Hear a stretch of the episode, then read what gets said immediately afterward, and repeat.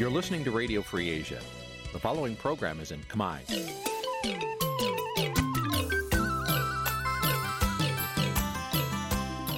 នេះជាកម្មវិធីផ្សាយ Vuthu Azizi Serai នេះជាកម្មវិធីផ្សាយរបស់ Vuthu Azizi Serai ជាភាសាខ្មែរ Vuthu Azizi Serai សូមស្វាគមន៍លោកអ្នកនាងទាំងអស់ពីរដ្ឋធានី Washington នៃសហរដ្ឋអាមេរិក។ ផ្សាយផ្ទាល់ពីរដ្ឋធានី Washington នាងខ្ញុំខែសុណងសូមជម្រាបសួរលោកនាងកញ្ញាប្រិយមិត្តអ្នកស្ដាប់វិទ្យុអាស៊ីសេរីទាំងអស់ជាទីមេត្រីចា៎យើងខ្ញុំសូមជូនកម្មវិធីផ្សាយសម្រាប់ព្រឹកថ្ងៃពុធ10កើតខែបោះឆ្នាំឆ្លូវត្រីស័កពុទ្ធសករាជ2565ដែលត្រូវនៅថ្ងៃទី12ខែមករាគ្រិស្តសករាជ2022ចា៎ជាដំបូងនេះសូមអញ្ជើញលោកនាងស្ដាប់ព័ត៌មានប្រចាំថ្ងៃដែលមានមេតិការដូចតទៅ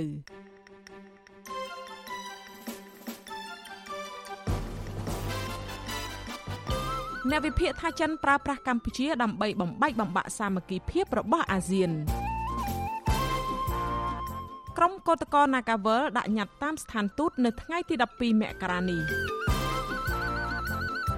លោករងឈុនសោកស្ដាយដែលតុលាការមិនអនុញ្ញាតឲ្យទៅព្យាបាលជំងឺនៅក្រៅប្រទេសអ្នកជំនាញវិទ្យាសាស្ត្រស្នើរដ្ឋាភិបាលទប់ស្កាត់មេរោគបំផ្លែងថ្មីអូមីក្រុងឲ្យមានប្រសិទ្ធភាព រួមនឹងព័ត៌មានផ្សេងផ្សេងមួយចំនួនទៀត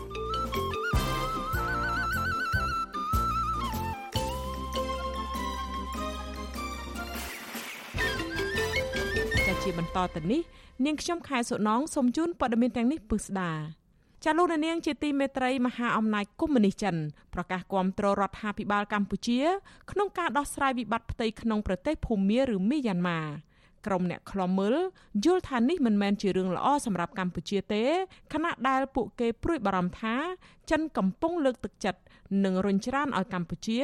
បំបែកសាមគ្គីភាពរបស់អាស៊ានចាអ្នកស្រីសុជីវីរាយការណ៍ព័ត៌មាននេះចាប់តាំងពីលោកនាយរដ្ឋមន្ត្រីហ៊ុនសែនត្រឡប់ពីទស្សនកិច្ចប្រទេសភូមាមកដល់ពេលនេះមានតែចិនកុម្មុយនីសមួយគត់ដែលបានប្រកាសជាផ្លូវការថាខ្លួនគាំទ្ររដ្ឋាភិបាលកម្ពុជាក្នុងសកម្មភាពឯកតោភាគី ដែលបានទៅដោះស្រាយវិបត្តិនយោបាយផ្ទៃក្នុងប្រទេសមីយ៉ាន់ម៉ាអ្នកស្រាវជ្រាវផ្នែកភូមិសាស្ត្រនយោបាយលោកវ៉ាន់ប៊ុនណាសង្កេតឃើញថា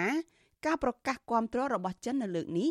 នឹងធ្វើឲ្យសហគមន៍អាស៊ាន និងអន្តរជាតិរិះគន់កម្ពុជាថែមទៀតពីរឿងដំណើរទស្សនកិច្ចទៅទទួលស្គាល់របបសឹកនៅភូមាលោកវ៉ាន់ប៊ុនណាបន្តថាកម្ពុជាគួរដើរតួនាទីត្រឹមជាអ្នកសម្របសម្រួលដែលបង្កលក្ខណៈឲ្យមានកិច្ចចរចាពីគ្រប់ភាគីនៅមីយ៉ាន់ម៉ាបានហើយ ដោយមិនគួរដើរតួនាទីជាអ្នកស្វែងរកដំណោះស្រាយឬជាអ្នកដាក់លក្ខខណ្ឌចាប់បង្ខំឲ្យភាគីមីយ៉ាន់ម៉ាអនុវត្តនោះទេ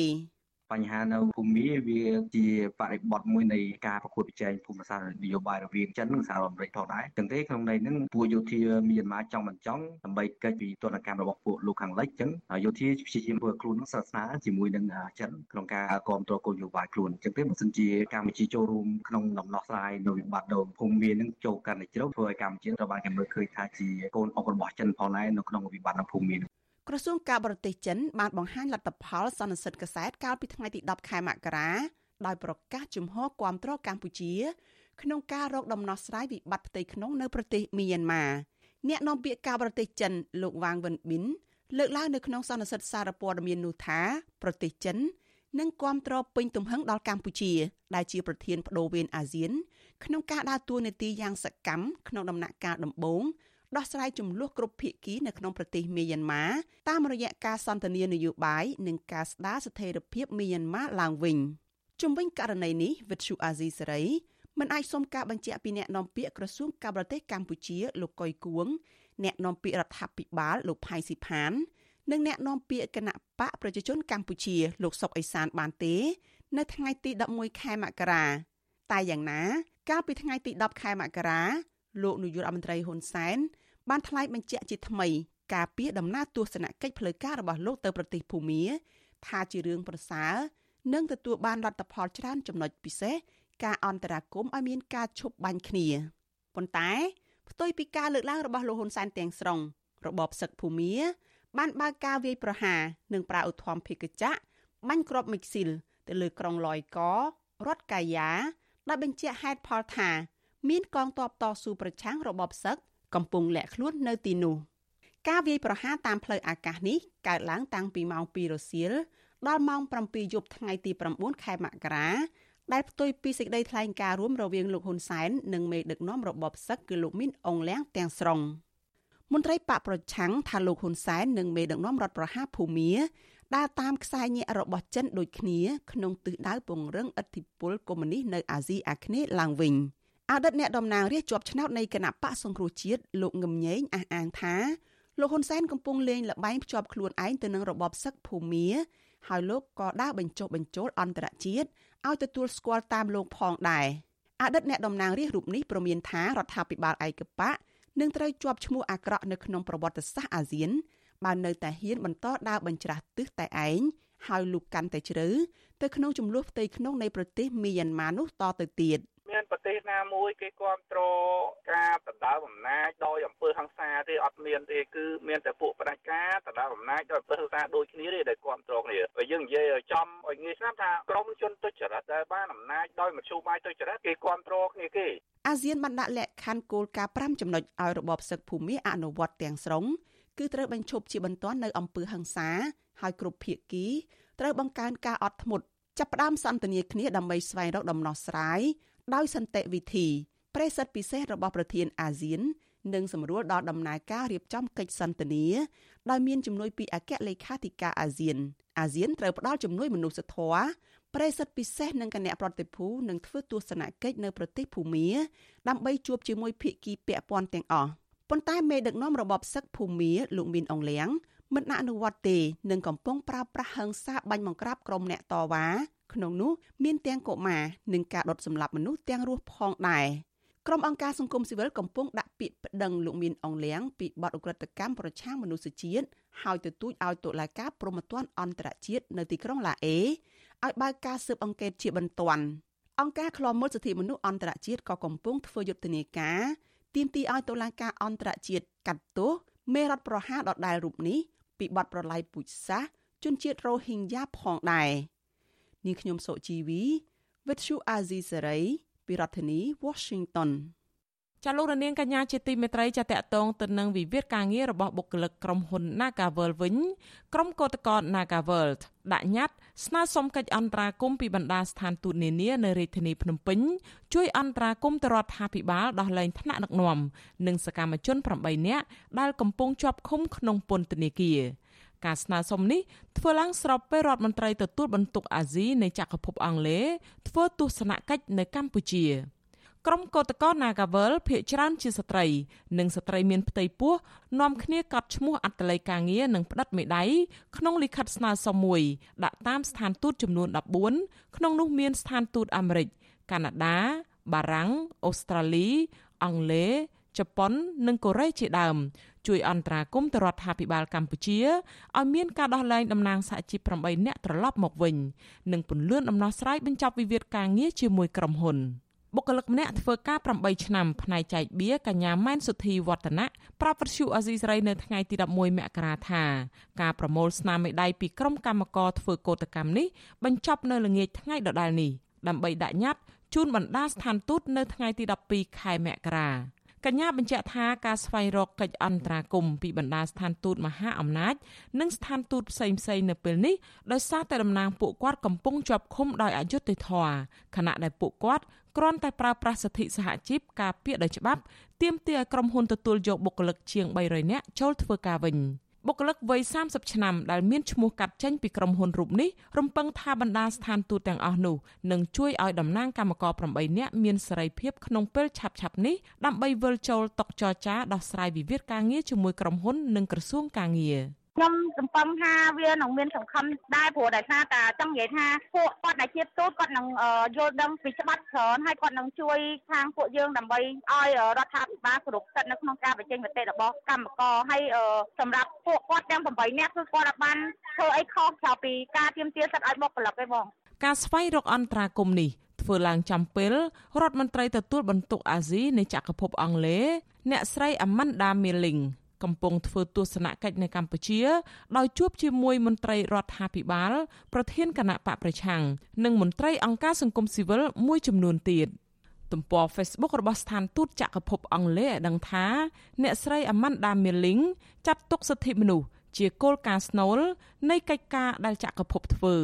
នៅក្នុងជំនួបជាមួយអង្គការសង្គមស៊ីវិលអ្នកស្រីបញ្ជាក់ពីជំហររបស់ចក្រភពអង់គ្លេសនៅតែគាំទ្រឲ្យមានការការពារសិទ្ធិមនុស្សសេរីភាពនៃការបញ្ចេញមតិនិងសេរីភាពសារព័ត៌មាននៅកម្ពុជា និងតំបន់អាស៊ីអាគ្នេយ៍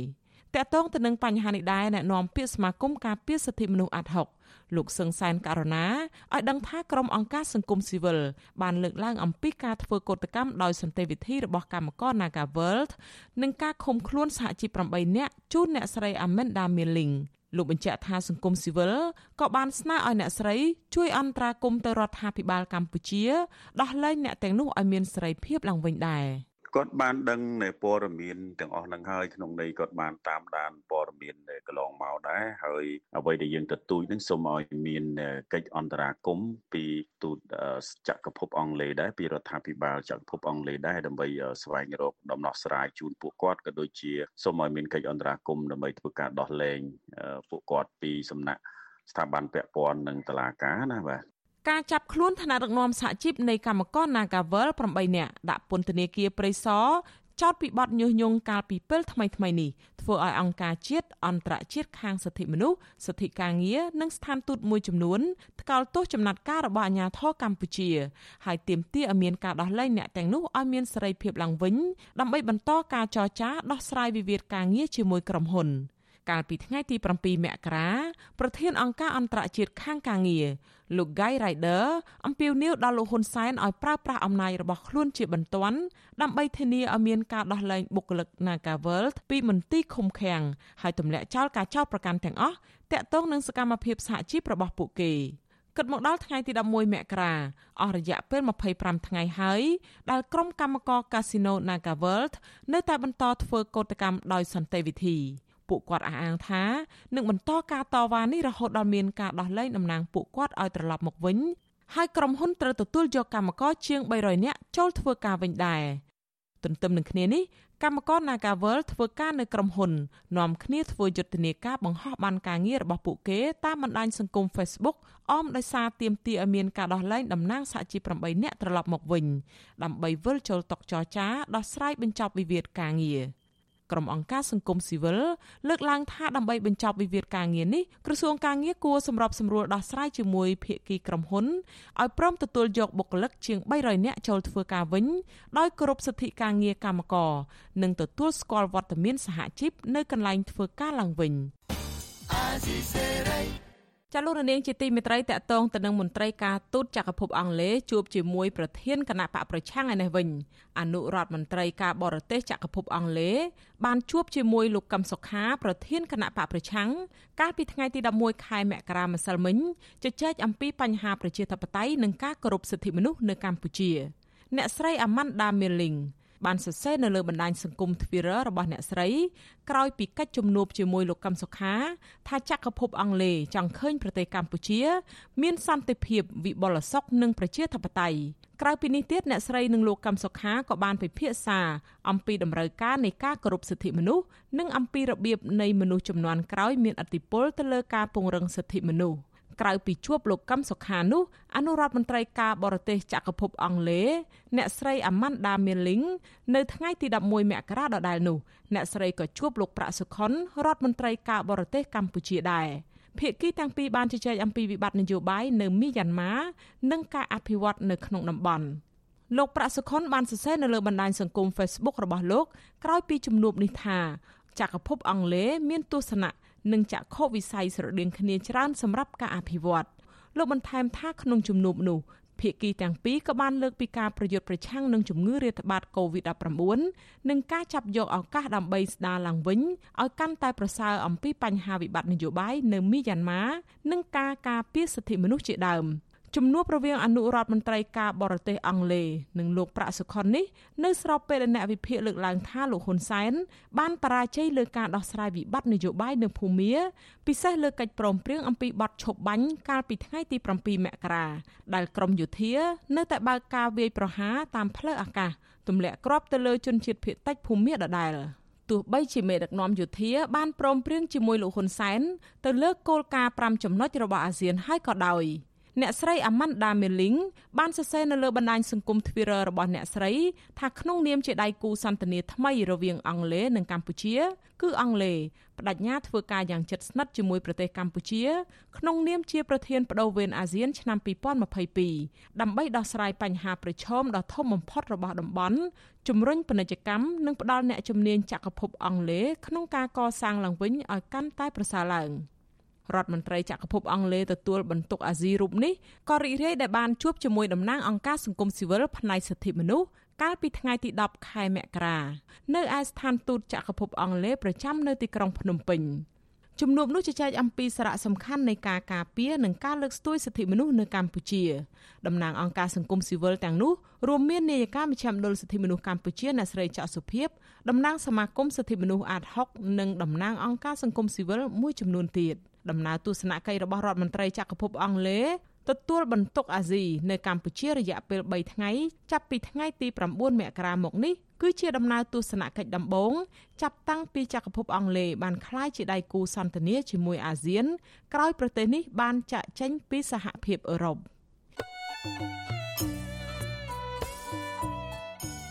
ចលនានាងជាទីមេត្រីវិទ្យុអាស៊ីសេរីផ្សាយតាមរយៈរលកធារកាសខ្លីឬ short wave តាមកម្រិតនិងកម្ពស់ដូចតទៅនេះ ពេលព្រឹកចាប់ពីម៉ោង5កន្លះដល់ម៉ោង6កន្លះតាមរយៈរលកធាតុអាកាសខ្លី9390 kHz ស្មើនឹងកម្ពស់ 32m និង11850 kHz ស្មើនឹងកម្ពស់ 25m ចានៅពេលយប់ពីម៉ោង7កន្លះដល់ម៉ោង8កន្លះតាមរយៈរលកធាតុអាកាសខ្លី9390 kHz ស្មើនឹងកម្ពស់ 32m និង15155 kHz ស្មើនឹងកម្ពស់ 20m ចាសសូមអរគុណ ចាលោកនាងជាទីមេត្រីចាតកតងទៅនឹងប្រធានសហភាពសហជីពកម្ពុជាលោករងឈុនវិញលោករងឈុនសោកស្ដាយដែលព្រះរាជអាជ្ញាអមសាលាដំបងរាជធានីភ្នំពេញបដិសេធសំណើសុំទៅព្យាបាលជំងឺនៅឯប្រទេសថៃ។ លោករងឈុនមានប្រសាសន៍ប្រាប់វត្ថុអាស៊ីសេរីកាលពីយប់ថ្ងៃទី11ខែមករាម្សិលមិញថាមេធាវីការពារក្តីឲ្យលោកគឺលោកសំសុគង្គបានដាក់លិខិតសុំអនុញ្ញាតពីតុលាការកាលពីចុងខែធ្នូដើម្បីឲ្យលោកអាចចេញទៅព្យាបាលជំងឺនៅប្រទេសថៃរយៈពេល2សប្តាហ៍គឺចាប់ពីថ្ងៃទី1រហូតដល់ថ្ងៃទី4ខែមករាឆ្នាំ2022នេះ ក៏ប៉ុន្តែព្រះរាជអាជ្ញាលើកហេតុផលថាលោកត្រូវស្វែងរកការព្យាបាលជំងឺឲ្យអស់លទ្ធភាព ជាពិសេសការវាយតម្លៃពីស្ថានភាពជំងឺលោករបស់មន្ទីរពេទ្យរដ្ឋក្នុងប្រទេសជាមុនសិនយើងមានការសោកស្ដាយមែនតើនៅជំវិញបញ្ហាទាំងអស់ហ្នឹងខាងអัยការសាលាដំបងហ្នឹងបានឆ្លើយតបមកវិញថាសូមឲ្យខ្ញុំហ្នឹងនៅព្យាបាលស្រុកខ្មែរយើងហ្នឹងឲ្យអស់លទ្ធភាពបើ មានលិខិតបញ្ជាក់ពីពេទ្យរដ្ឋអានឹងបានខាងតុលាការគេនឹងពិនិត្យនិងសម្រេចអរខ្ញុំបើនិយាយពីចំហខ្ញុំខ្ញុំមិនទៅជាកិច្ចវិអីទេយើងនៅក្នុងស្រុកទោះបីមានបញ្ហាប្រឈមយ៉ាងណាក៏ដោយក៏យើងមិនកិច្ចវិទៅក្រៅស្រុកដែរបាទយើងនឹងនៅដោះស្រាយទៅតាមផ្លូវច្បាប់ហើយយើងនឹងសហការជាមួយតុលាការបើតុលាការត្រូវការបំភ្លឺយើងនឹងទៅបំភ្លឺប៉ុន្តែអ្វីដែល សោកស្ដាយហ្នឹងគឺតឡាកាមិនបានអនុញ្ញាតឲ្យបានទៅប្រទេសជិតខាងនេះបាទ លោករងឈុនឲ្យដឹងថាគ្រូពេទ្យអង្គការលីកាដូបានចេញលិខិតបញ្ជាក់ពីការវិតម្លៃសុខភាពរបស់លោកដោយផ្ដល់អនុសាសន៍ឲ្យលោកត្រូវទៅពិនិត្យសុខភាពជាមួយគ្រូពេទ្យឯកទេសដើម្បីពិនិត្យព្យាបាល ជាពិសេសជំងឺជាតិស្ករខ្ពស់ក្នុងឈាមដែលនាំឲ្យកើតជំងឺទឹកនោមផ្អែមសម្ពាធឈាមខ្ពស់និងគ្រោះក្នុងថង់ប្រមាត់ជាដើមលោករងឈុនបន្តថាបច្ចុប្បន្នលោកមិនទាន់ទៅរកសេវាព្យាបាលនៅមន្ទីរពេទ្យរដ្ឋឬឯកជនណាមួយនៅឡើយទេប៉ុន្តែលោកនឹងពិគ្រោះយោបល់ជាមួយវិជ្ជាបណ្ឌិតជំនាញអង្គការលីកាដូបន្ថែមទៀតតុលាការរាជធានីភ្នំពេញបានកាត់ទោសឲ្យលោករងឈុនជាប់ពន្ធនាគាររយៈពេល2ឆ្នាំក្រោមបទចោទញុះញង់បង្កឲ្យមានភាពវឹកវរធ្ងន់ធ្ងរដល់សន្តិសុខសង្គមក្រោយពីលោក បានរិះគន់លើការបោះបង្គោលព្រំដែននៅខេត្តត្បូងឃ្មុំដែលពលរដ្ឋអះអាងថាអាញាធរវៀតណាមបានរំលោភយកដីរបស់ពួកគាត់។ ក្រោយពីជាប់ពន្ធនាគារជាង1ឆ្នាំសាឡាវធរបានសម្រេចដោះលែងលោកចេញពីពន្ធនាគារកាលពីថ្ងៃទី12ខែវិច្ឆិកាឆ្នាំ2021ដោយទោសនៅសេសសល់ត្រូវព្យួរនិងដាក់ឲ្យស្ថិតនៅក្រោមការតាមដានរបស់តុលាការរយៈពេល3ឆ្នាំផងដែរ។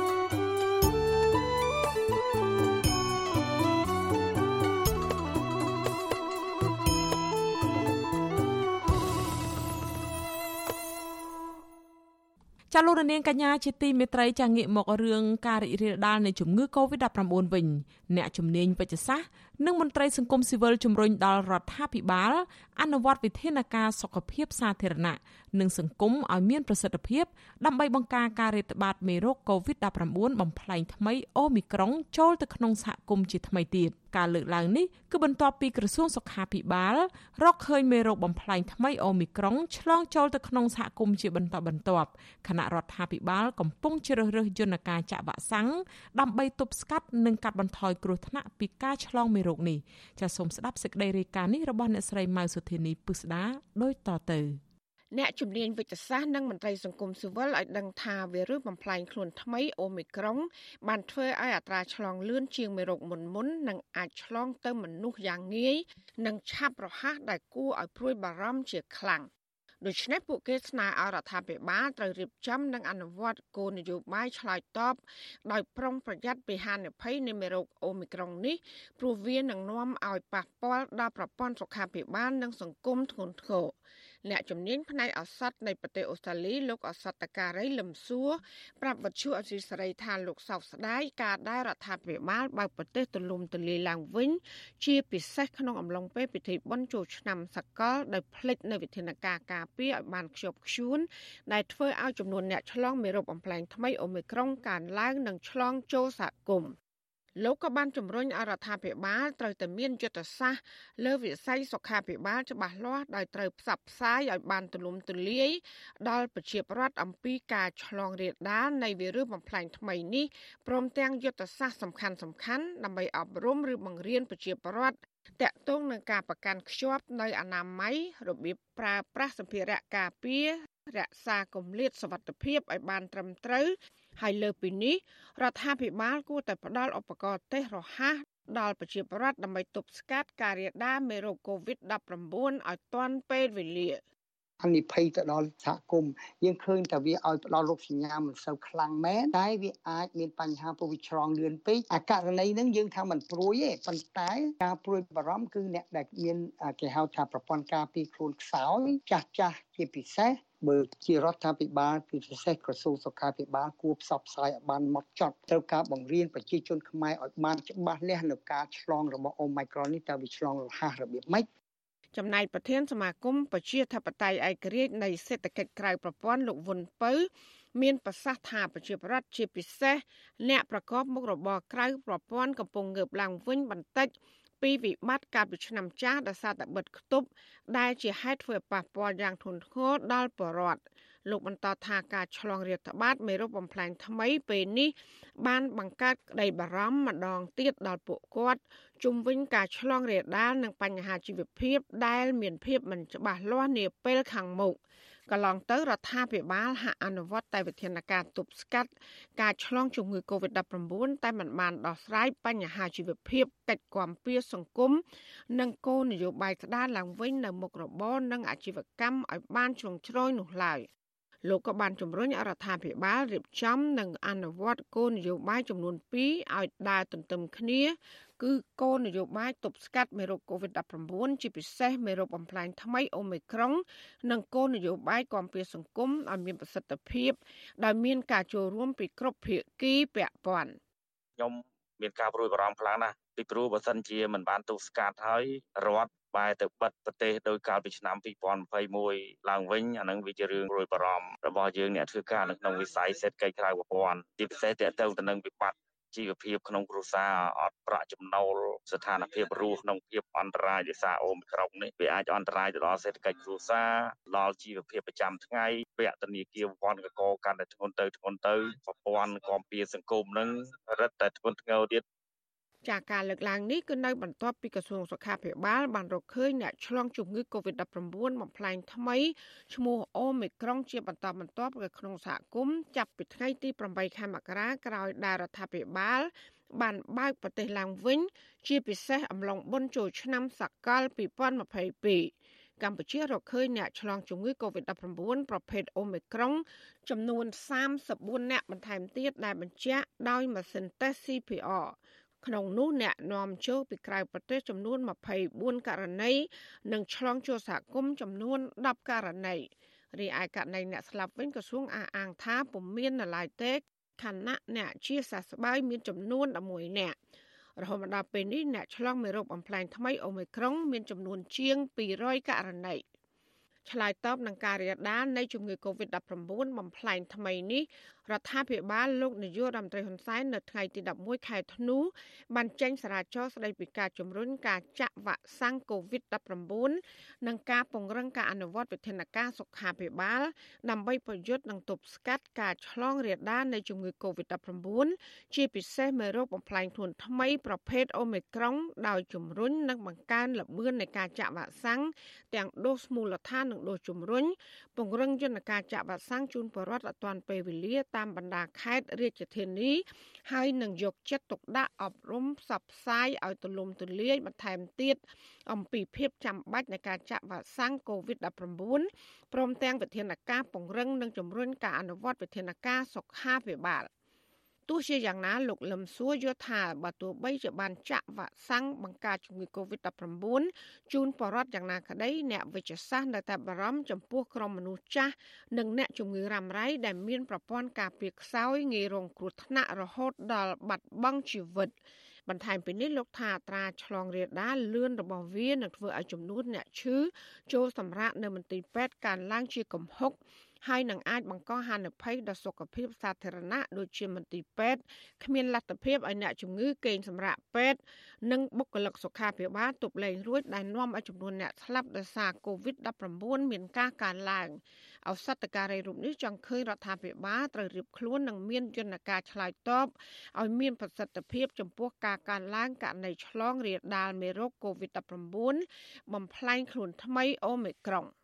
ប្រធានសមាគមគ្រូពេទ្យគុណធម៌កម្ពុជាលោកវិជ្ជបណ្ឌិតអ៊ុចវុធីពន្យល់ថាមេរោគ COVID-19 បំផ្លែងថ្មីអូមីក្រុងចូលសហគមន៍យ៉ាងឆាប់រហ័សបែបនេះអាចបណ្ដាលមកពីការធ្វេសប្រហែសរបស់អាជ្ញាធរសុខាភិបាលមិនបានត្រួតពិនិត្យតឹងរឹងចំពោះអ្នកដំណើរមកពីបរទេសកន្លងមក។ លោកបញ្ជាក់ថាមធ្យោបាយដែលអាចទប់ស្កាត់មេរោគប្រភេទថ្មីនេះឲ្យមានប្រសិទ្ធភាពអាជ្ញាធរពាក់ព័ន្ធត្រូវតែចាត់វិធានការសុខាភិបាលឲ្យបានម៉ឺងម៉ាត់នៅតាមច្រកទ្វារអន្តរជាតិតាមផ្លូវអាកាសលើអ្នកធ្វើដំណើរដោយត្រៀមសម្ភារៈឬក៏ឧបករណ៍និងសេវាសុខាភិបាលជាពិសេសម៉ាស៊ីនតេស្តរោគវីរុស COVID-19 CPR ឲ្យបានគ្រប់គ្រាន់ដើម្បីឆ្លើយតបទាន់ពេលវេលានិងស្របតាមតម្រូវការជាក់ស្ដែង។ លើពីនេះលោកក៏ជំរុញរដ្ឋាភិបាលរៀបចំការផ្សព្វផ្សាយឲ្យបានទូលំទូលាយអំពីចំណាត់ការនានារបស់រដ្ឋគណៈកម្រិតនៃការយល់ដឹងនិងការចូលរួមរបស់ប្រជាពលរដ្ឋមួយចំនួននៅមានកម្រិតហើយដែលធ្វើឲ្យប៉ះពាល់ធ្ងន់ធ្ងរដល់សហគមន៍គួរណាតែពង្រឹងផ្នែកសុខាភិបាលសុខភាពនិងថ្នាក់ក្រោមជាតិរហូតដាក់ ថ្នាក់ជាតិហ្នឹងហេតុអីបានខ្ញុំលើកកន្លែងហ្នឹងទី1យើងយើងត្រូវតាមដានមើលតើអូមីក្រុងវាចូលតាមណាពីព្រោះអូមីក្រុងវាមិនមែនផ្ទុះចេញពីសហគមន៍ស្រុកខ្មែរទេវាមកពីក្រៅអញ្ចឹងយើងត្រូវរដ្ឋបិទធ្វើការត្រួតពិនិត្យតាមច្រកចេញចូលនីមួយនីមួយយើងត្រូវដាក់ពេទ្យជំនាញផ្នែកវិទ្យាសាស្ត្រហ្នឹងដើម្បីតាមដានហើយដាក់ដូចជាមន្ទីរពេទ្យដូចជាឡាបូមួយនៅតាមព្រំដែនមួយមួយពេលណាដែលគាត់ចូលមកមានម៉ាស៊ីន CVR វាហ្នឹងដែលយើងជៀសផុតពីហានិភ័យ គិតត្រឹមថ្ងៃទី11ខែមករាកម្ពុជាមានអ្នកកើតជំងឺ Covid-19 សរុបប្រមាណ120,000នាក់ក្នុងនោះអ្នកជាសះស្បើយមានជាង110,000នាក់ចំណែកឯអ្នកស្លាប់វិញគឺមានចំនួន3015នាក់ តកតងនឹងករណីចាក់វ៉ាក់សាំងនេះដែរក្រសួងសុខាភិបាលឲ្យដឹងថាគិតត្រឹមថ្ងៃទី9ខែមករារដ្ឋាភិបាល បានចាក់វ៉ាក់សាំងជូនប្រជាពលរដ្ឋដែលមានអាយុពី5ឆ្នាំឡើងទៅបានជាង14លានពីសែននាក់សម្រាប់ដូសទី1ហើយអ្នកដូសទី2គឺបានជាង13លាន6សែននាក់និងដូសទី3បានជាង3លាន9សែននាក់ចាននាងខ្ញុំម៉ៃសុធានីវັດឈូអាស៊ីសេរីប្រធានាធិបតី Washington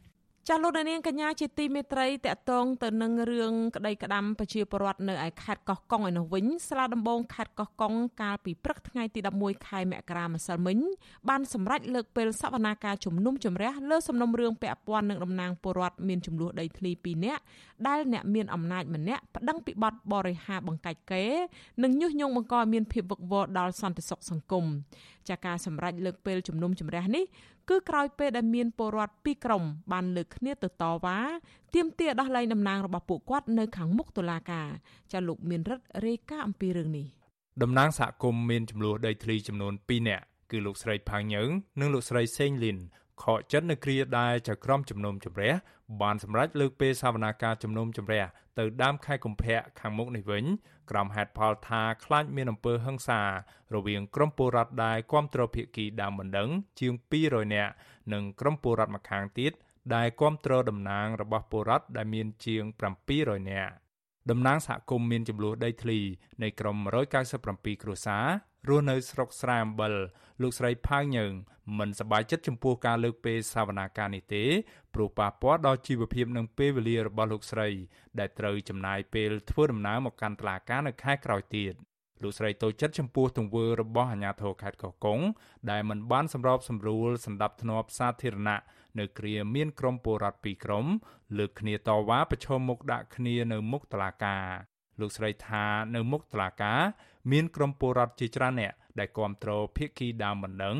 បានបង្ហាញខ្លួនតវ៉ាប្រឆាំងនឹងក្រុមពលរដ្ឋម្ខាងទៀតដែលស្វែងរកយុត្តិធម៌នៅក្នុងរឿងរ៉ាវនៃចំនួនដីធ្លីនេះដែលលោកស្រីថាហាក់ដូចជាមានការរៀបចំទុកជាមុន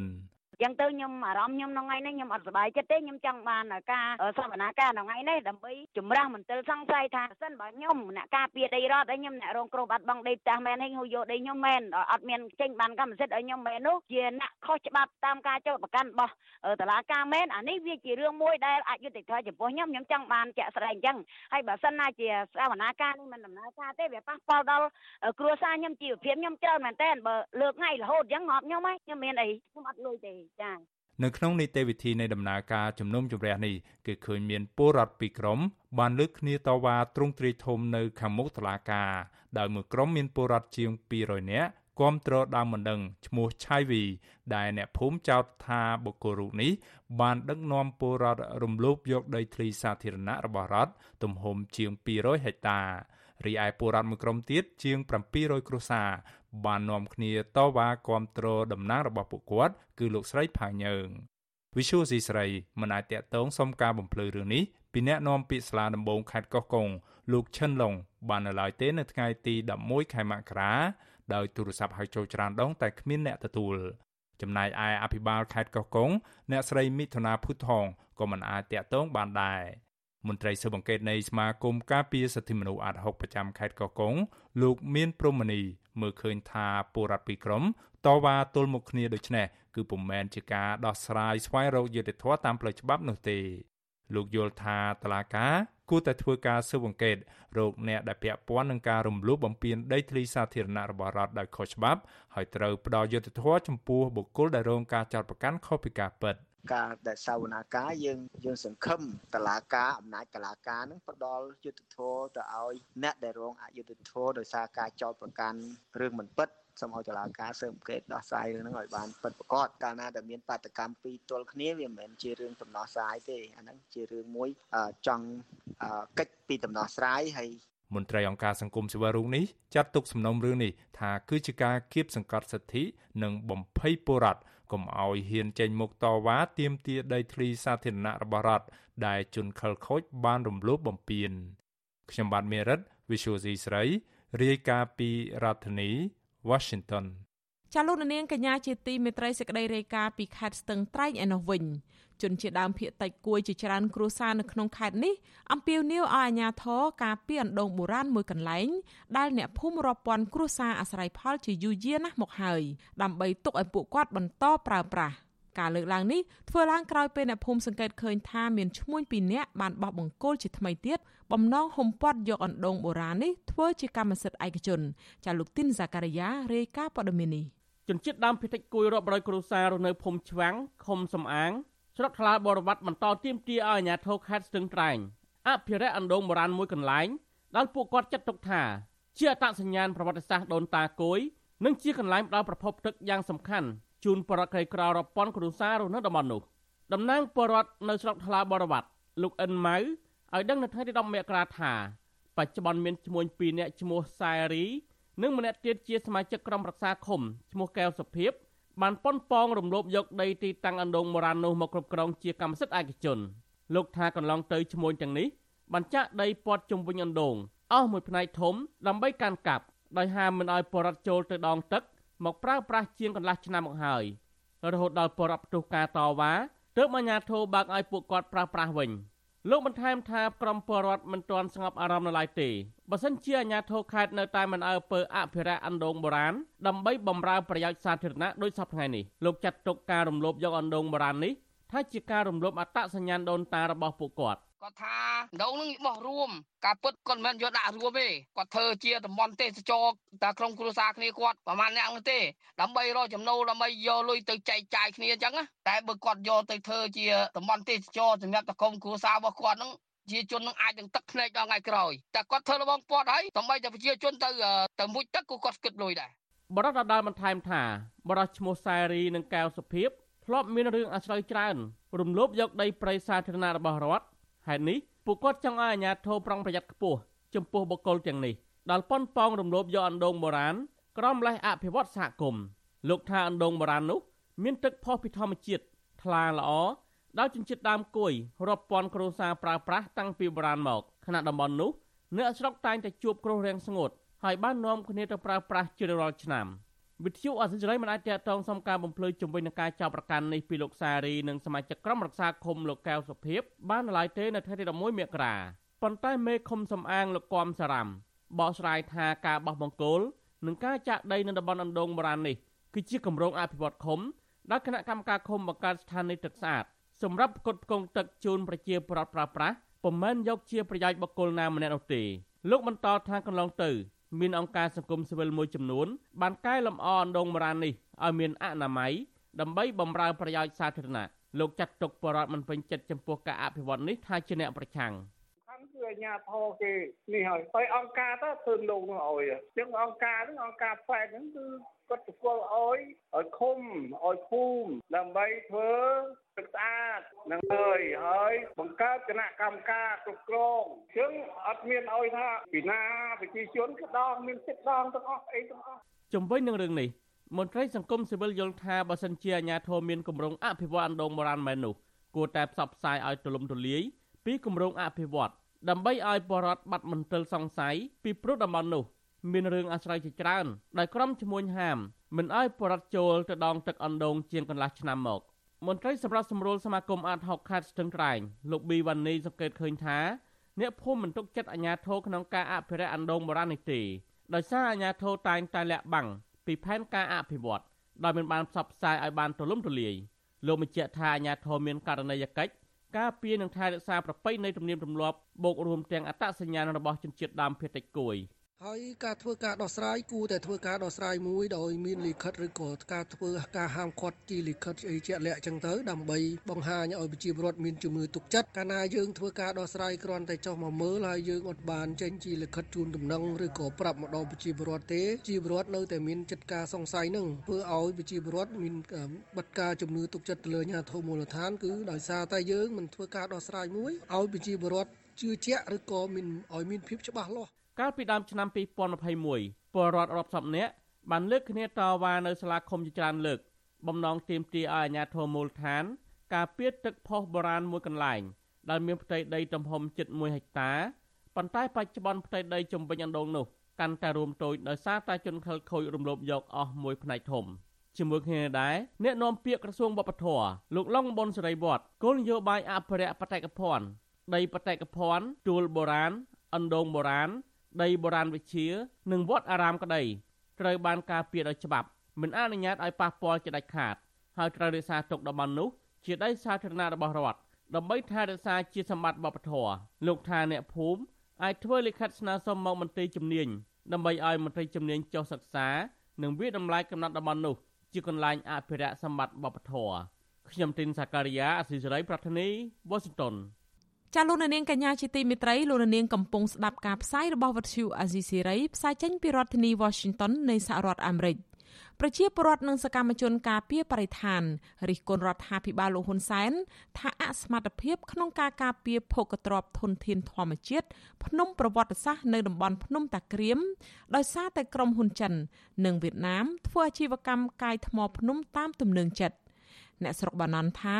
ប្រសិនបរដ្ឋាភិបាលនិងក្រសួងពាក់ព័ន្ធនៅតែប្រងើយកន្តើយគ្មានវិធានការចោះទប់ស្កាត់ក្រុមឈ្មួញដែលកំពុងបន្តធ្វើអាជីវកម្មថ្មភ្នំទាំងនោះទេធនធានធម្មជាតិភ្នំប្រវត្តិសាស្ត្រនិងវាលរៀបដល់ដីក្នុងរយៈពេលដ៏ខ្លីខាងមុខនេះចាលោកនាងនឹងបានស្ដាប់សេចក្តីរាយការណ៍នេះពឹស្ដានៅពេលបន្តិចទៀត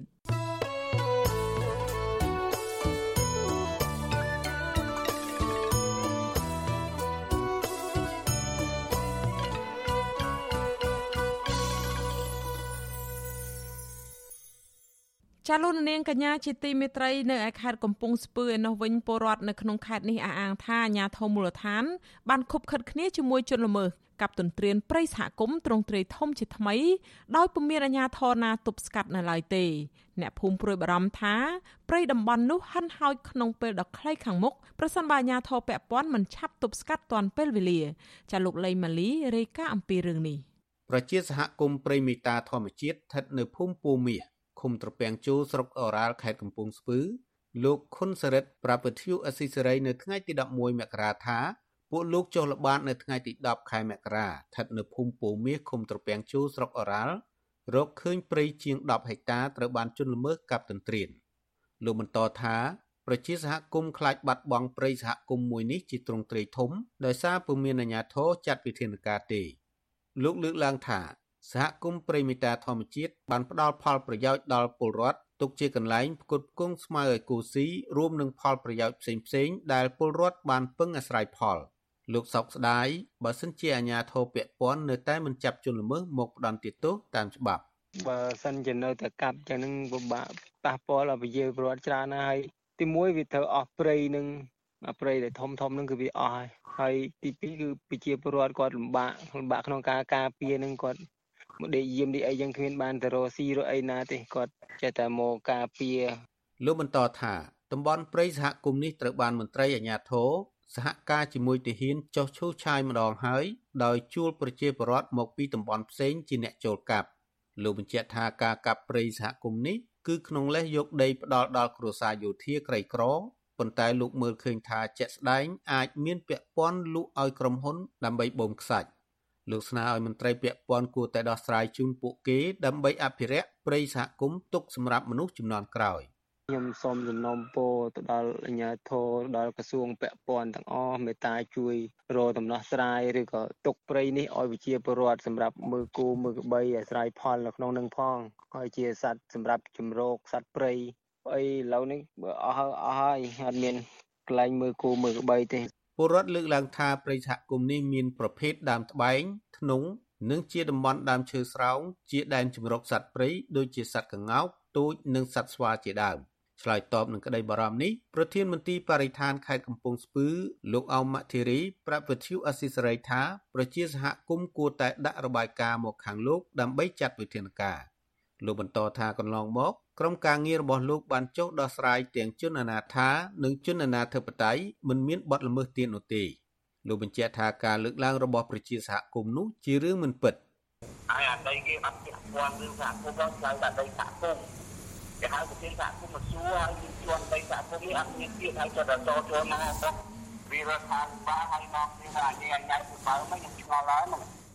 ជុំវិញរឿងនេះសកម្មជនបរិស្ថាននៃសមាគមបណ្ដាញយុវជនកម្ពុជាហៅកាត់ថា CYN លោកសាន់ម៉ាឡាបានលើកឡើងថាបទល្មើសព្រៃឈើនៅកម្ពុជាបានคล้ายជារឿងធម្មតាទៅហើយដែលសាធារណជនមើលឃើញថាចំណាត់ការរបស់អាជ្ញាធរទៅលើជនល្មើសគ្មានប្រសិទ្ធភាព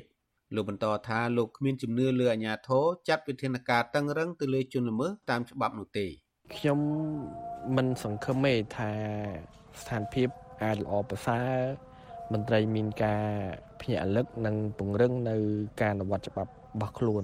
ដូច្នេះខ្ញុំមានតែអំពាវនាវឲ្យមហាជនសាធារណជននិងយុវជន បាទធ្វើម៉េចចូលរួមពួតដៃគ្នាកាន់តែសកម្មនៅ ក្នុងការរួមចំណែកការពារក៏ដូចជាបកអាក្រាតអំពីស្ថានភាពពិតនៃការខំផ្លាញ់ប្រឈើនៅក្នុងប្រទេសកម្ពុជារបស់យើង សហគមន៍ព្រៃមេតាធម្មជាតិឃុំត្រពាំងជូស្រុកអូរ៉ាល់ខេត្តកំពង់ស្ពឺ មានផ្ទៃដីទំហំជាង2800ហិកតា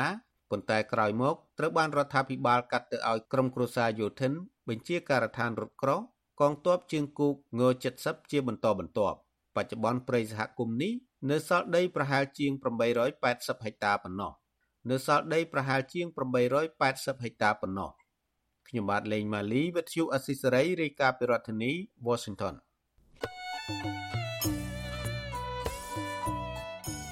ចលនានាងជាទីមេត្រីវិទ្យុអាស៊ីសេរីផ្សាយតាមរយៈរលក ធារកាសខ្លីឬ short wave តាមកម្រិតនិងកម្ពស់ដូចតទៅនេះពេលព្រឹកចាប់ពីម៉ោង5កន្លះដល់ម៉ោង6កន្លះតាមរយៈរលក ធារកាសខ្លី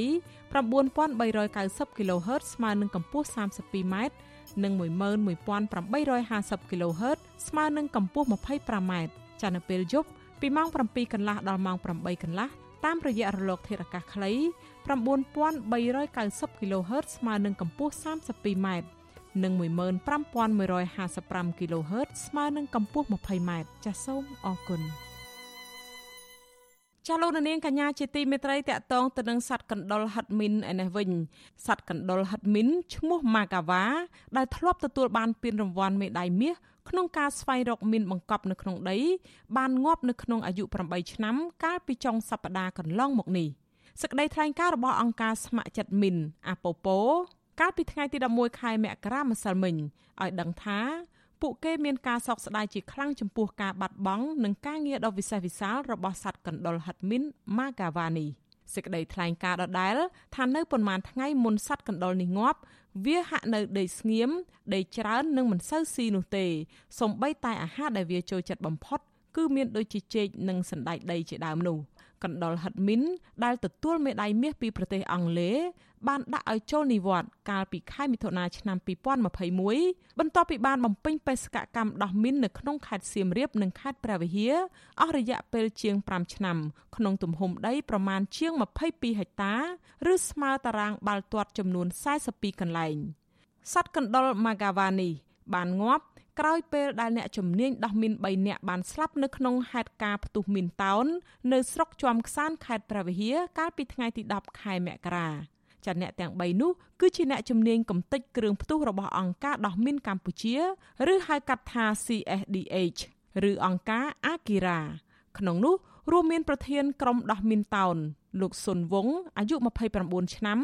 អនុប្រធានក្រុមលោកម៉ាស៊ីមេតអាយុ32ឆ្នាំ និងលោកមនចော့អាយុ32ឆ្នាំរបាយការណ៍របស់មជ្ឈមណ្ឌលកម្ចាត់មីនកម្ពុជាហៅកាត់ថាស៊ីម៉ាក់ឲ្យដឹងថាចន្លោះពីឆ្នាំ1993ដល់ឆ្នាំ1998ក្របមីននិងសំណល់ជាតិផ្ទុះពីសង្គ្រាមបានបង្កឲ្យប្រជាជនកម្ពុជាស្លាប់ និងរងរបួសប្រមាណជាង4000នាក់ក្នុងមួយឆ្នាំមួយឆ្នាំដែលនេះអាចចាត់ទុកថាជាឃាតករលេខ1នៅកម្ពុជាចំនួនអ្នកស្លាប់បានថយចុះបន្តបន្ទាប់ដោយសារការងារបោះសម្អាតមីនក្នុងនោះមកដល់ឆ្នាំ2019ចំនួនជនរងគ្រោះធ្លាក់ចុះមកនៅតិចជាង100នាក់ក្នុងមួយឆ្នាំ កម្ពុជាបានដាក់គោលដៅបោសសម្អាតមីននិងសំណល់ជាតិផ្ទុះពីសង្គ្រាមឲ្យអស់នៅត្រឹមឆ្នាំ2025ខាងមុខដែលនឹងត្រូវការថវិកាប្រមាណជាង400លានដុល្លារ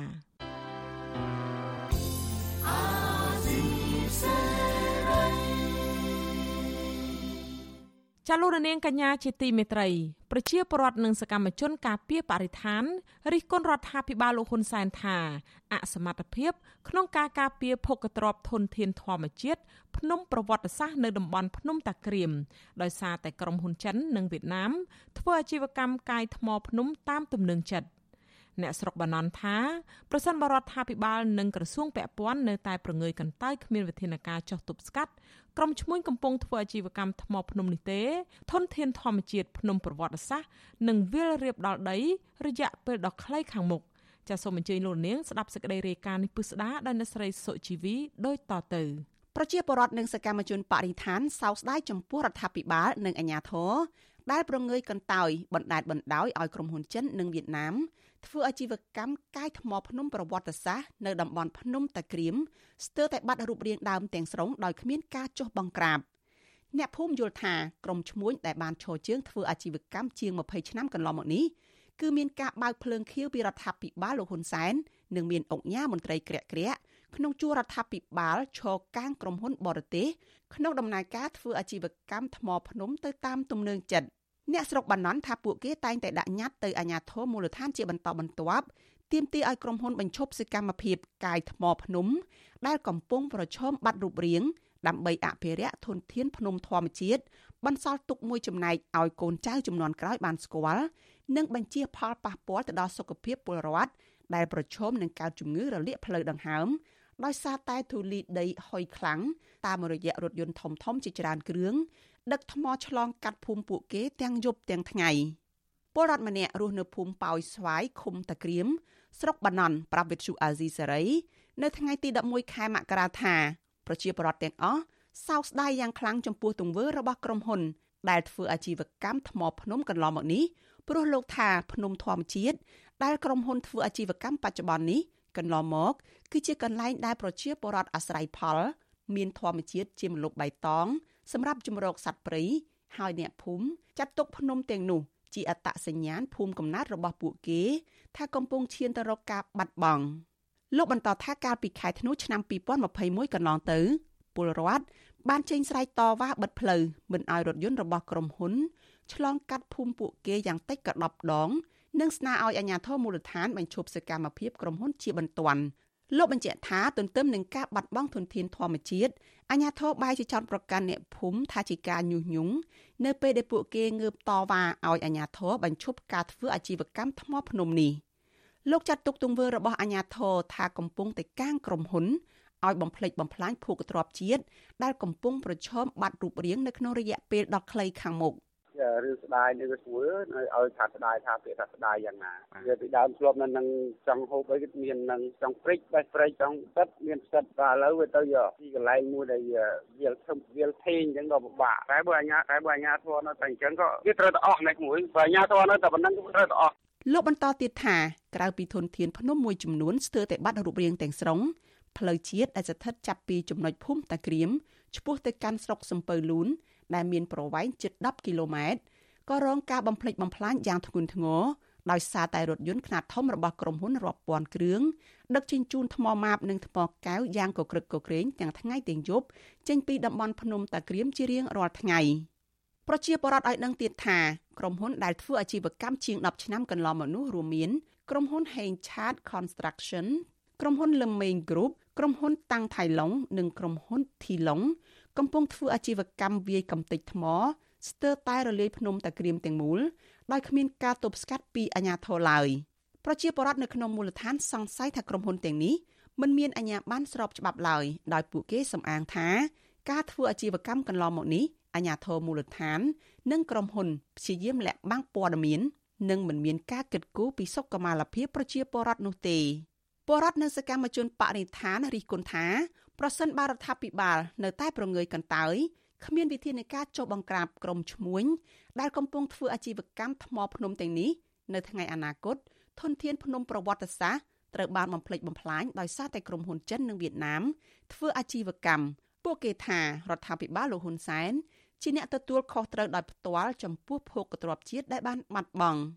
សកម្មជនការពីបរិស្ថានកញ្ញាភួនកៅរស្មីយល់ថាធនធានជាតិភ្នំប្រវត្តិសាស្ត្រនៅក្នុងស្រុកបាណន់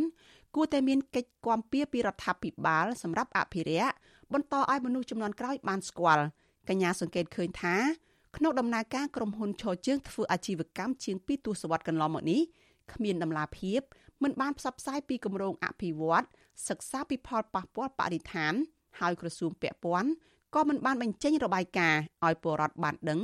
និងធ្វើវេទិកាសាធារណៈស្ដីពីចំណូលថវិកាជាតិដែលរដ្ឋទទួលបានពីក្រុមហ៊ុនទាំងនោះដែរ។យើងបានខ្វាយខ្វល់ហើយប៉ុន្តែយើងមើលឃើញថានៅមានកម្រិតខ្លាំងមែនតើដែលទទួលខុសត្រូវខ្លាំងជាងគេហ្នឹងគឺរដ្ឋរដ្ឋាភិបាលចំនួនហ្នឹងព្រោះយើងមើលឃើញថាភាពធ្វើប្រហែសរបស់ពួកគាត់តាំងពីអាជ្ញាធរថ្នាក់ក្រោមជាតិរហូតដល់ថ្នាក់លើហ្នឹងយើងមើលឃើញថាអាចថាគ្រប់គ្រងទៅខាងក្រុមហ៊ុនអាជីវកម្មឯកជនឬក៏គ្នាគ្នាអ្នកមានអំណាចរបស់ពួកគាត់មករំលោភនៅលើធនធានធម្មជាតិច្រើនកន្លែងមែនតើដែលយើងមើលឃើញមែនតើនៅក្នុងស្រុកបាណន់ហ្នឹងឯងហើយយើងក៏សង្ឃឹមថាពួកគាត់ល្មមអាចថាភ្ញាក់រលឹកខ្លះទៅងាកមកឆ្លាញ់ធនធានធម្មជាតិហើយនឹងធ្វើការអភិវឌ្ឍឬក៏ផ្ដល់សិទ្ធិអាជីវកម្មទៅឲ្យក្រុមហ៊ុនឯកជននឹងប្រកបដោយតម្លាភាពវិទ្យុអាស៊ីសេរីបានព្យាយាមតាក់ទងសុំការបកស្រាយជុំវិញរឿងនេះពីអ្នកនាំពាក្យក្រសួងបរិស្ថានលោកនេតភក្ត្រា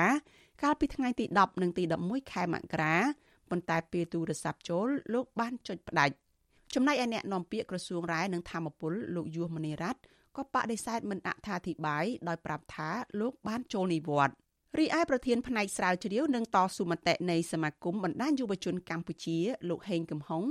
ថ្លែងថារដ្ឋាភិបាលគួរតែចាត់វិធានការឲ្យបានម៉ឺងម៉ាត់ដល់ក្រុមឈ្មួញដែលកំពុងធ្វើអាជីវកម្មដើម្បីធានាដល់ធនធានធម្មជាតិមិនរងផលប៉ះពាល់បន្ថែមទៀតលោកបន្តថាផលប៉ះពាល់ដល់ពលរដ្ឋ ដែលតែងតែលើកឡើងជាបន្តបន្ទាប់នោះអាជ្ញាធរចាំបាច់ត្រូវតែឆ្លើយតបនិងដោះស្រាយទុកកង្វល់របស់ប្រជាជន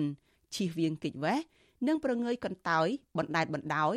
ឲ្យក្រុមហ៊ុននៅតែបន្តអាជីវកម្មដែលធ្វើឲ្យធនធានភ្នំនៅតំបន់នោះរងការបំផ្លិចបំផ្លាញបាត់រូបរាងនាពេលអនាគត។ កាយភ្នំជាដែរទាំងអស់ហ្នឹងបានចំណូលប្រមាណហើយទៅដល់ថវិកាជាតិហើយចំណូលប្រមាណបានទៅដល់ក្នុងមូលដ្ឋានរបស់ប្រជាពលរដ្ឋដោយផ្ទាល់នៅទីនោះបាទដើម្បីធានានៅដំណាភាពនិងការសบายចិត្តពីសំណាក់ប្រជាពលរដ្ឋដែលគាត់ជាអ្នករងផលប៉ះពាល់ផងជាអ្នកនៅដោយផ្ទាល់ហើយធ្លាប់មែនតើទៅតំបន់ភ្នំតំបន់បេតិកភណ្ឌធម្មជាតិទាំងអស់សុទ្ធសឹងតែមានដិតដាមជាមួយនឹងជីវភាពប្រជាពលរដ្ឋប្រចាំថ្ងៃយូរហើយបាទហើយមានការជីកកកាយឈូសយកភ្នំនឹងប្រកាសណាស់ពលរដ្ឋគាត់នឹងមានការមិន នសប្បាយចិត្តដោយសារតែបាត់បង់នៅតសញ្ញាណឬក៏បេតិកភណ្ឌធម្មជាតិនៅក្នុងតំបន់ដែលឆ្លើយតបនឹងបញ្ហានេះអ្នកនាំពាក្យសាលាខេត្តបាត់ដំបងលោកសឿមប៊ុនរិទ្ធមានប្រសាសន៍ប្រាប់វិទ្យុអាស៊ីសេរីនៅពេលកន្លងទៅថាក្រុមហ៊ុនដែលធ្វើអាជីវកម្មនៅតំបន់ភ្នំតាក្រៀមមានអាជ្ញាប័ណ្ណត្រឹមត្រូវនិងបានធ្វើការវិតម្លៃផលប៉ះពាល់បរិស្ថានច្បាស់លាស់លោកបន្តថាការធ្វើអាជីវកម្មកាយថ្មភ្នំកន្លងមកនេះ មានការរួមចំណែកក្នុងការកសាងហេដ្ឋារចនាសម្ព័ន្ធជាច្រើននៅក្នុងខេត្តបាត់ដំបងដូចជាផ្លូវ highway ស្ថិតនៅជាយក្រុង និងផ្លូវជាតិមួយខ្សែចាប់ពីក្រុងបាត់ដំបងទៅកាន់រាជធានីភ្នំពេញលោកទទួលស្គាល់ថាការធ្វើអាជីវកម្មថ្មភ្នំកន្លងមកនេះបានបង្កផលប៉ះពាល់បរិស្ថាននិងការរស់នៅរបស់ប្រជាពលរដ្ឋតែលោកអះអាងថាអាជ្ញាធរមូលដ្ឋានមិនបានប្រងើយកន្តើយចំពោះក្តីកង្វល់របស់ពលរដ្ឋនេះឡើយចំណែកផលប៉ះពាល់បរិស្ថាននិងសង្គម អ្នកនាំពាក្យរូបនេះថាក្រុមហ៊ុននឹងស្ដារធនធានធម្មជាតិនិងបរិស្ថានឡើងវិញ។កន្លងមកគឺធ្លាប់មានអាជ្ញាធរយើងបានចុះទៅសិក្សាបញ្ហានឹងដែរគាត់ជាបរដ្ឋអូនក្អែហ្នឹងហើយយើងក៏បានខិតខំណែនាំទៅយៈធ្វើអាជីវកម្មដែលមានការអនុញ្ញាតការធ្វើអ្វីមួយវាតែងតែមានផលប៉ះពាល់នៅកន្លែងតំបន់មូលដ្ឋាននោះគឺសំខាន់ក្រុមហ៊ុនត្រូវតែធ្វើម៉េចសិក្សាលទ្ធភាពម៉េច ដើម្បីការពារបរិស្ថានការពារការរស់នៅបងប្អូនប្រជាពលរដ្ឋគឺបើការដែលធ្វើអាជីវកម្មរបស់ខ្លួនមាននិរន្តរភាពទៅបានជុំវិញរឿងនេះអ្នកនាំពាក្យសមាគមការពារសិទ្ធិមនុស្សអាត6លោកសឹងសានករណាជំរុញឲ្យអាជ្ញាធរថ្នាក់ជាតិបើកការស៊ើបអង្កេតនិងចុះត្រួតពិនិត្យតំបន់ភ្នំតាក្រៀមបន្ថែមទៀតនិងចាត់វិធានការលើក្រុមហ៊ុន ដែលកំពុងធ្វើអាជីវកម្មដោយគ្មានច្បាប់អនុញ្ញាតលោកសង្កត់ធ្ងន់ថា ធនធានធម្មជាតិដែលរងការបំផ្លាញនៅកម្ពុជាដោយសារតែខ្វះការយកចិត្តទុកដាក់ពីសំណាក់អាជ្ញាធរនិងបានខົບខិតជាមួយជនខិលខូចធ្វើអាជីវកម្មលក្ខណៈប្រយោជន៍បុគ្គលទៅតាមទំនឹងចិត្តអញ្ចឹងយើងទទូចឲ្យមានការពិចារណាឡើងវិញនៅក្នុងរឿងនេះពីព្រោះទាំងអស់នេះការពិតទៅមិនចាំបាច់ឲ្យពលរដ្ឋលោកលំបាកទៅទៀមទាតវ៉ាអ្វីទេក្នុង តួនាទីក្នុងការថែរក្សាការពារធនធានធម្មជាតិសម្បត្តិធម្មជាតិព្រៃឈើអីជាដើមហ្នឹងគឺទៅលើអ្នកទាំងអស់នោះឯងរមណីយដ្ឋានតំបន់ប្រវត្តិសាស្ត្រនៅក្នុងស្រុកបាណន់មានភ្នំចំនួន31ជាតំបន់ទេសចរប្រវត្តិសាស្ត្រប្រាសាទបុរាណ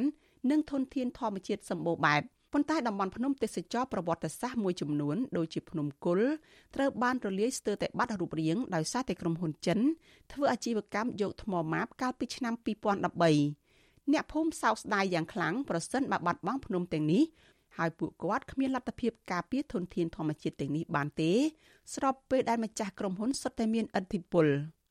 លើសពីនេះភ្នំដែលគេកំពុងជីកគាស់កាយស្ទើរតែបាត់រូបរាងនោះរួមមានភ្នំតាក្រៀមភ្នំថ្មក្រហម ភ្នំអនសែភ្នំប៉ោយស្វាយភ្នំពពូល ភ្នំតាត្រងោលនិងភ្នំគុលជាដើម ភ្នំធម្មជាតិទាំងនេះធ្លាប់ផ្ដល់មលប់បៃតងស្រស់ស្អាត តាក់ទាញភ្ញៀវទេសចរប៉ុន្តែបច្ចុប្បន្ននេះបានคล้ายជាការដ្ឋានជីកកោះកកាយនិងកិនថ្ម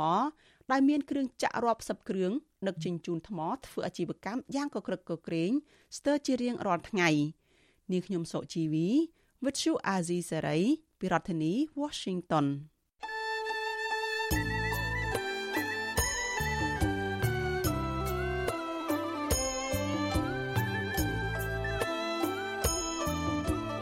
ចាលោកនាងកញ្ញាជាទីមេត្រីការផ្សាយរយៈពេល1ម៉ោងមកនេះបានឈានមកដល់ទីបញ្ចប់ហើយចានាងខ្ញុំសូមជូនពរដល់លោកនាងកញ្ញាទាំងអស់ឲ្យជួបប្រកបតែនឹងសេចក្តីសុខចម្រើនរុងរឿងកុំបីឃ្លៀងឃ្លាតឡើយ